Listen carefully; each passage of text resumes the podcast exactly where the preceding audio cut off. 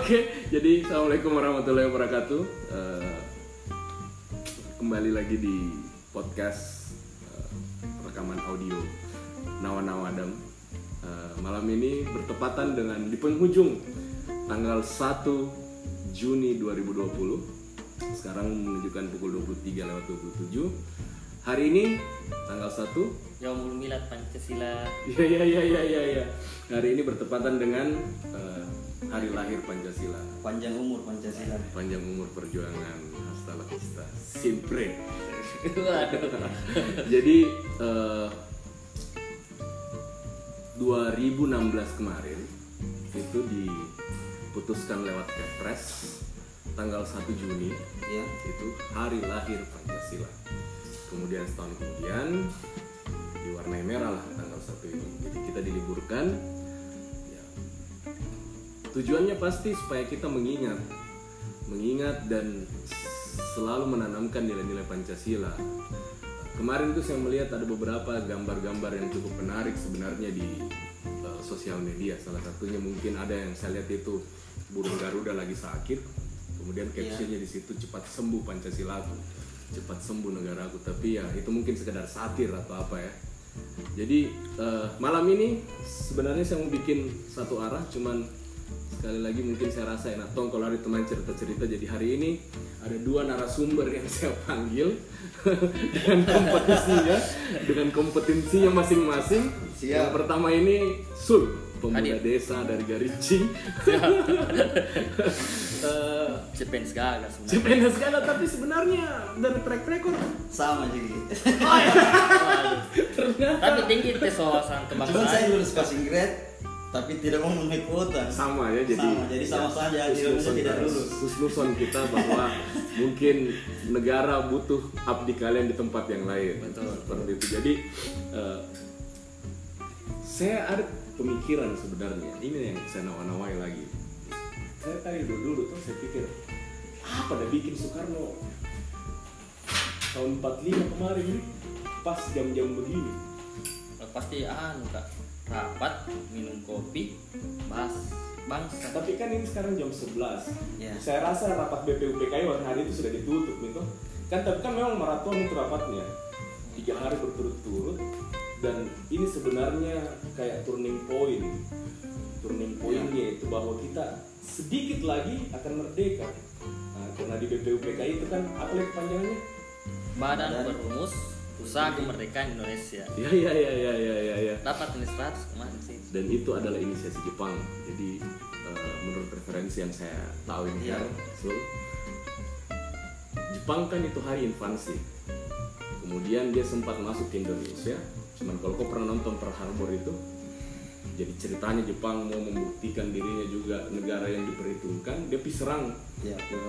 Pearl Harbor di situ dia kebobolan di situ kan langsung kita mengambil salah satu Ya, efek merdeka. Ah, kita juga kebagian efek. Jadi ketika dibilang Jepang tumbang, Nagasaki eh Naga cocok? Ya. Dan Hiroshima di bom atom, kita langsung mempercepat. Salah satunya mungkin Iya. seperti itu ya. Cepat memprogres Eh, untuk Kemerdekaan kemerdekaan. bangsa Indonesia. Nah itu tadi yang sempat saya pikirkan.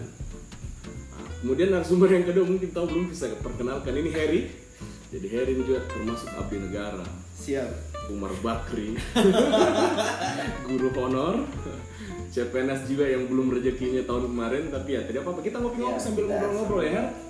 Menambah wawasan Nusantara. ya jadi seperti itu jadi eh, sebenarnya podcast ini menjadi rekaman lini masa untuk setidaknya kita coba mereview kembali tentang sejarahnya Pancasila itu lahir. Nah, mungkin kan dibilang tanggal 1 Juni hari lahirnya Pancasila. Padahal sebenarnya kan tidak. Zaman Majapahit itu kan sudah ada. Iya. Sriwijaya sudah ada kan? Nah, kalau saya tidak salah referensinya itu mengatakan di bukunya Emputan Tular Sutasoma dan Empu Prapanca. Kalau saya tidak salah itu negara Kertagama nama nama eh, karya sastranya itu yang sudah ada di situ Pancasila.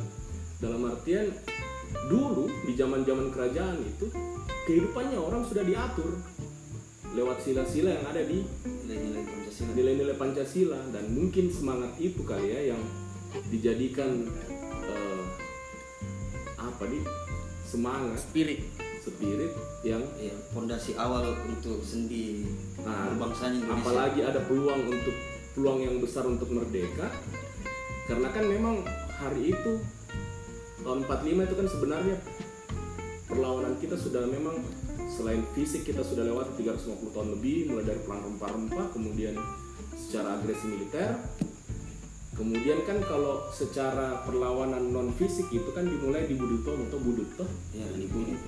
Tanggal 20 Mei 1908 hari kebangkitan Nasional. nasional. Kemudian tidak lama itu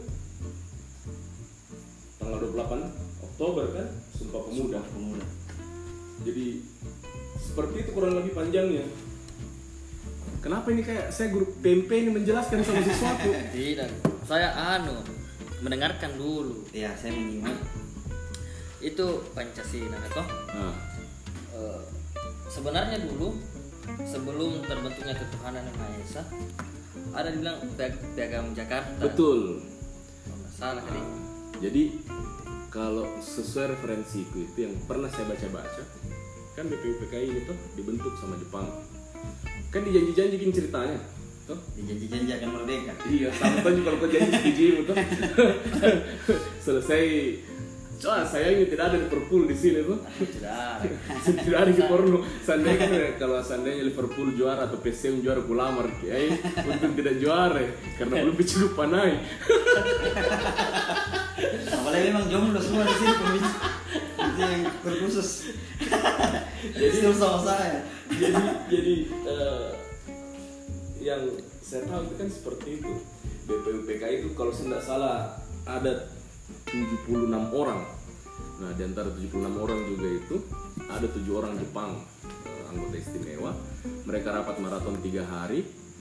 Eh, keputusannya kalau saya tidak salah di situ Soekarno berbicara di depan. Masalah eh, Trisila dan Ekasila. Tersila ya tersila Ah, seperti itu.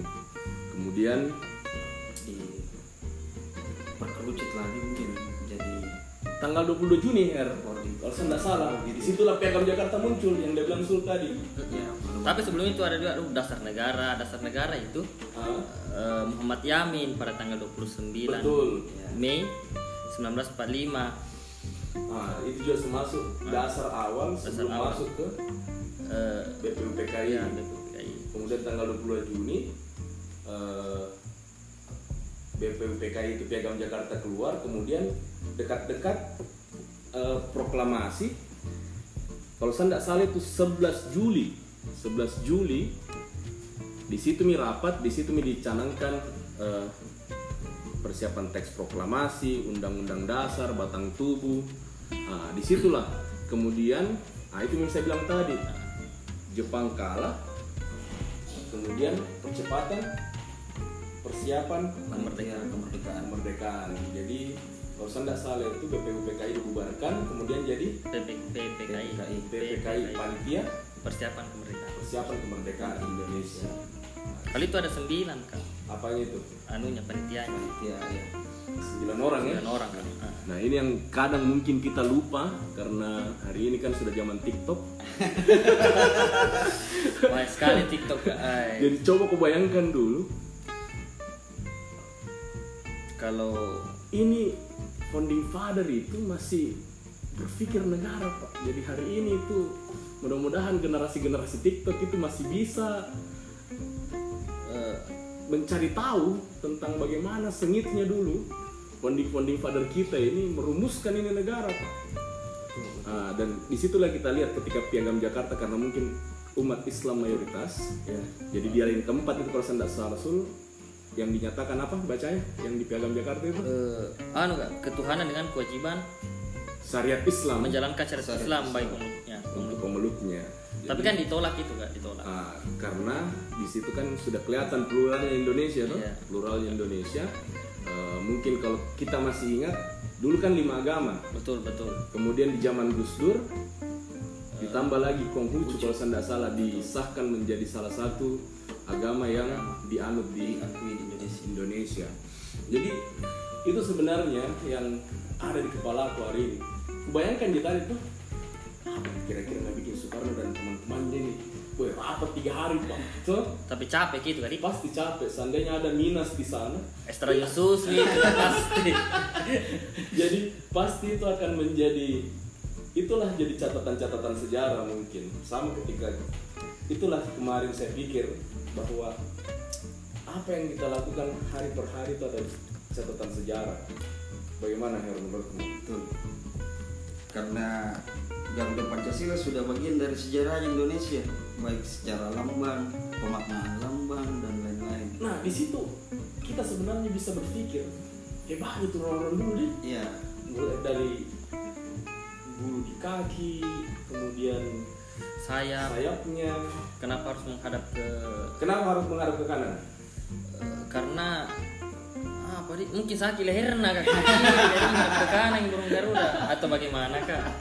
Kenapa Saya butuh pencerahan di situ, Kak. Ke kanan? Mungkin kanan lebih satu yang hal yang, positif, yang baik. ya, ya, ya. itu saya kira karena sakit leherna ndak ndak bisa menghadap ke kiri mungkin kalau sekarang itu dia menghadap ke depan agak susah anak-anak. Visual grafis itu kan pakai. kalau dari samping kan agak bagus begitu. Tapi mungkin yang paling positif itu adalah ketika mungkin kanan itu selalu di eh, Ya, identikan, ya, identikan itu dengan dengan sesuatu hal-hal yang positif ya. Jadi burung garuda itu menghadap ke ke kanan. Kanan kanan. Dan jadi seperti itu sebenarnya. Tadi tuh kepikir apa yang bikin kira-kira ini tahun 45 tapi yang paling saya rasa adalah semangatnya karena hampir nih sudah hampir mungkin merdeka hampir mungkin merdeka kan Bahkan bendera sendiri pun kan dijahit dadakan. betul Saudarakan. Ya, dadakan saat malam sebelum hari dibacakannya proklamasi.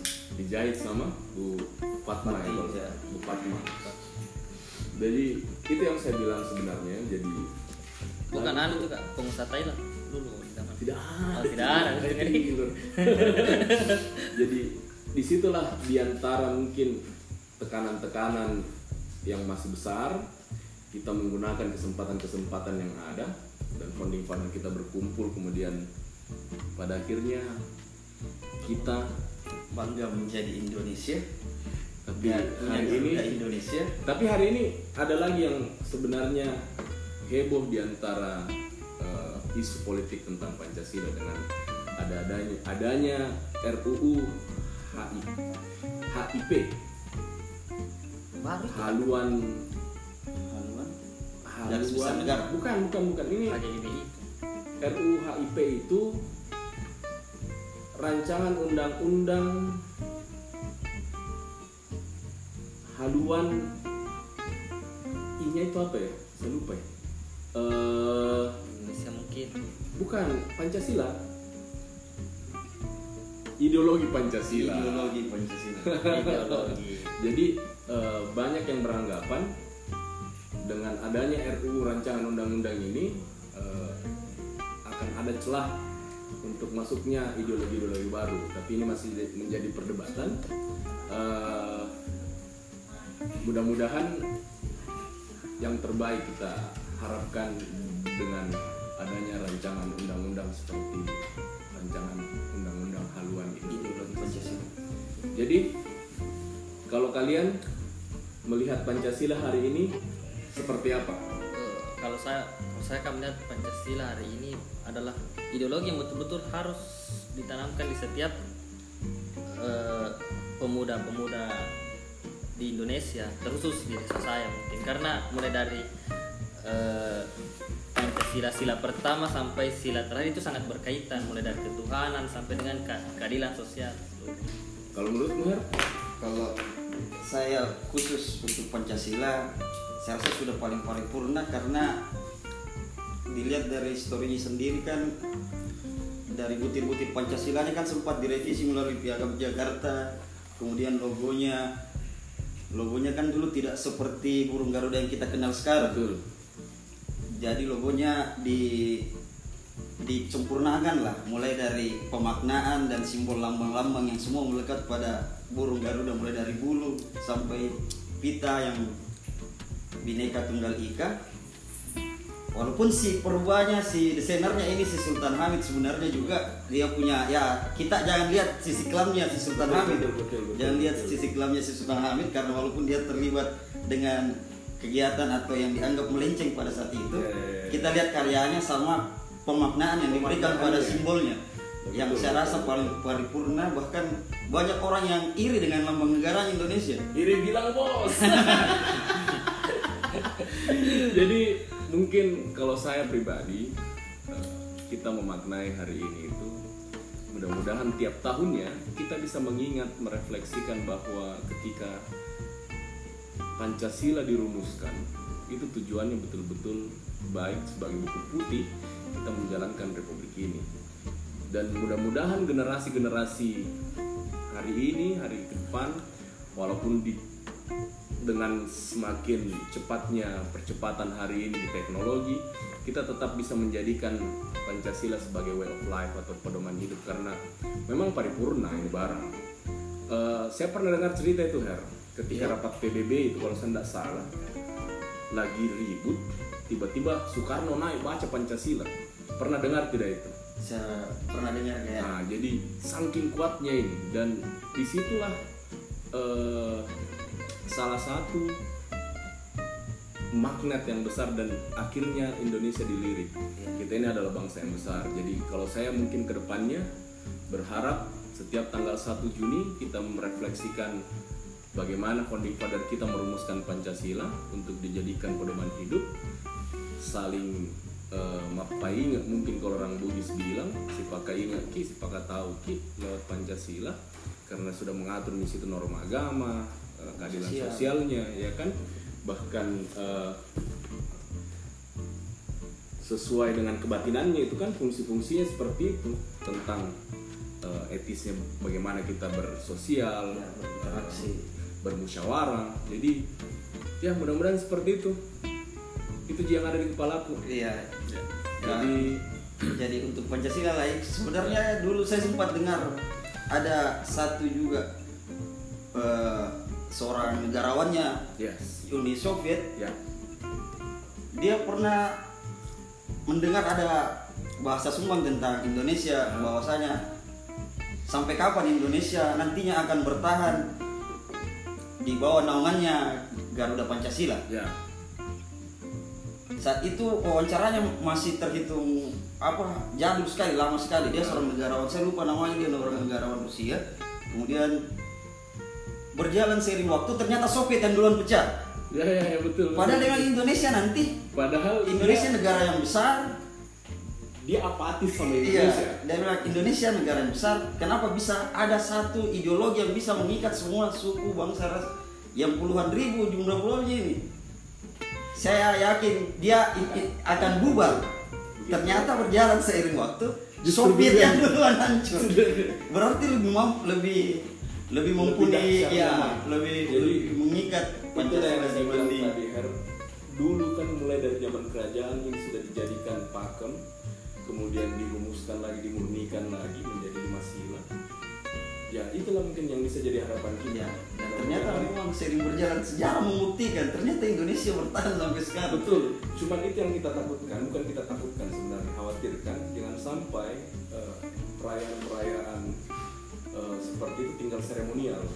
Jadi orang bisa melak- mengingat bahwa oh ini hari lahir Pancasila tapi refleksi tentang sejarahnya Iya. seperti yang itu kita misalnya Soviet yang pernah bilang ah Indonesia bakalan bubar. Ya Eh, terus eh, tahun tahun 59 kalau nggak salah yang di PBB itu Soekarno membacakan Pancasila. Ya mudah-mudahan generasi-generasi boomers yang hari ini masih bisa gitu loh. Karena kan PPKN sudah hapus ya Her? Sudah hapus. Sudah dihilangkan ya dalam artian kalau kita generasi-generasi yang mungkin dulu pernah dapat mungkin masih dapat itu PMP Ya, sekarang masih bersyukur karena tiap hari kesaktian kan hari kesaktian Ya, Pancasila betul, betul, masih betul, betul. masih diselenggarakan kalau di tiap-tiap instansi satu sekolah, kemudian rasa- kesaktian Pancasila Iya. dan masih ada upacara memang dimasukkan. harus kita jadikan satu kesimpulan bahwa memang Pancasila itu sakti kita negara yang sudah merdeka kurang lebih berapa tahun 45 sampai sekarang 65 65 ya Iya. 65 tahun dan kita tetap berdiri walaupun hari ini memang banyak isu yang menerpa mudah-mudahan kita tetap solid dan mudah-mudahan kita berdoa Allah Subhanahu wa taala tetap memberkati Indonesia. Amin. Oke, panjang umur perjuangan. Ya umur Terima kasih banyak untuk Sul dan Heri Siap. Siap. yang menjadi narasumber dadakan malam ini yang menemani nawa-nawa saya Siap, siap, siap, siap. dan malam ini kita juga mengakhiri dengan mengucapkan Yaumul Milad Pancasila pas di akhir penghujung tanggal 1 Juni 2020. Oke, birthday Pancasila. Assalamualaikum warahmatullahi wabarakatuh.